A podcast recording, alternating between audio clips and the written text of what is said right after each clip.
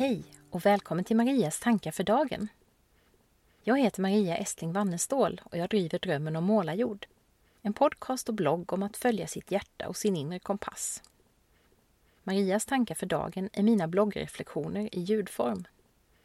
Fram till och med julafton är mina tankefrön en del av årets julkalender som jag hoppas ska inspirera dig till reflektion eller samtal.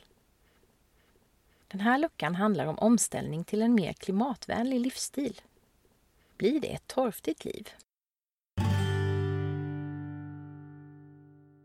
Omställning till en enklare livsstil. Det måste vara ett torftigt liv de har, den där familjen Estling Wannestål. Inte har de råd att åka på solsemester eftersom frun i huset har hoppat av sin trygga anställning för att bara göra sånt som hon tycker är kul. Nu glunkas det om att maken har downshiftat också för att få mer tid att leva. De har ju förresten bestämt sig för att sluta flyga, knäppjökarna. Stackars ungar som inte får uppleva världen som andra barn.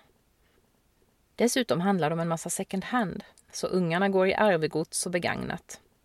För att inte tala om frun och hennes gamla hippieklänningar från Erikshjälpen. Så omodernt. Till och med julklappar och födelsedagspresenter kommer ofta den vägen. Och de vuxna ger visst varandra inga presenter alls. Ja, det måste vara bra synd om den här familjen. Nu raljerar jag förstås, men jag tror att somliga tänker så här om våra och många andras livsval.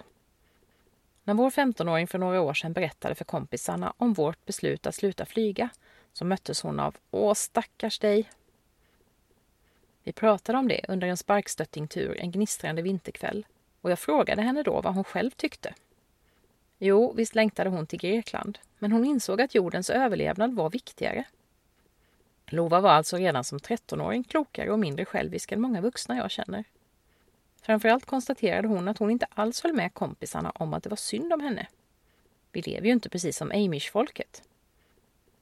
Hur livet förändras när man försöker reducera sitt klimatavtryck var ett av samtalsämnena i ett poddavsnitt med Martin Hedberg, nummer 62.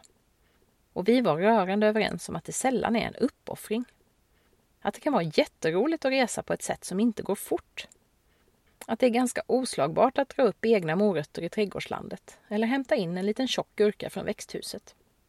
Att det är grymt kul att gå på skattjakt i en mysig second hand-affär. I synnerhet med vetskapen att pengarna vi handlar för gör nytta där de verkligen behövs. Istället för att hamna i någon miljardärsficka. Ja, visst, det kräver lite mer planering att ha en elbil istället för två fossilbränslebilar. Men det funkar faktiskt väldigt bra nästan jämt. Och ja visst, ekonomiskt kan det vara mer ansträngande ibland. Kravodlat är dyrare än besprutat. Tåget är dyrare än flyget. Men att hoppa över shopping och flygande kostar faktiskt ingenting alls. En annan av mina poddgäster, Rob Hopkins, i avsnitt 55, en av världens mest inflytelserika miljöinspiratörer och grundaren av Omställningsnätverket, pratar mycket om att omställning till ett mer hållbart liv faktiskt kan skapa högre livskvalitet istället för tvärtom att det finns så mycket roligt att göra som inte har dålig klimatpåverkan. Nätverkets slogan är också Mer fest än protest. Om detta handlar flera av texterna i den fina antologin Sånger från jorden som Amanda Martling, en annan av mina poddgäster, och Elinor Askmar har varit redaktörer för. Mitt klimatavtryck just nu är, så vitt jag kan bedöma, mindre än på många år. Men samtidigt har mitt liv aldrig varit bättre för att jag har valt att ägna en så stor del av det åt sånt som är roligt, utvecklande och meningsfullt. Jag behöver inte tokshoppa på Ullared eller flyga till Thailand en gång om året för att känna att jag lever livet. Här kommer dagens reflektionsfråga. Har du själv funderat över att försöka ställa om till ett mer klimatvänligt leverne? Kanske redan kommit en bit på väg? Hur skulle det påverka eller har redan påverkat ditt liv? Känns det mest som uppoffringar? Eller kan du se några positiva sidor i omställningen? Tack för att du har lyssnat och välkommen tillbaka till en ny kalenderlucka imorgon. Hej då!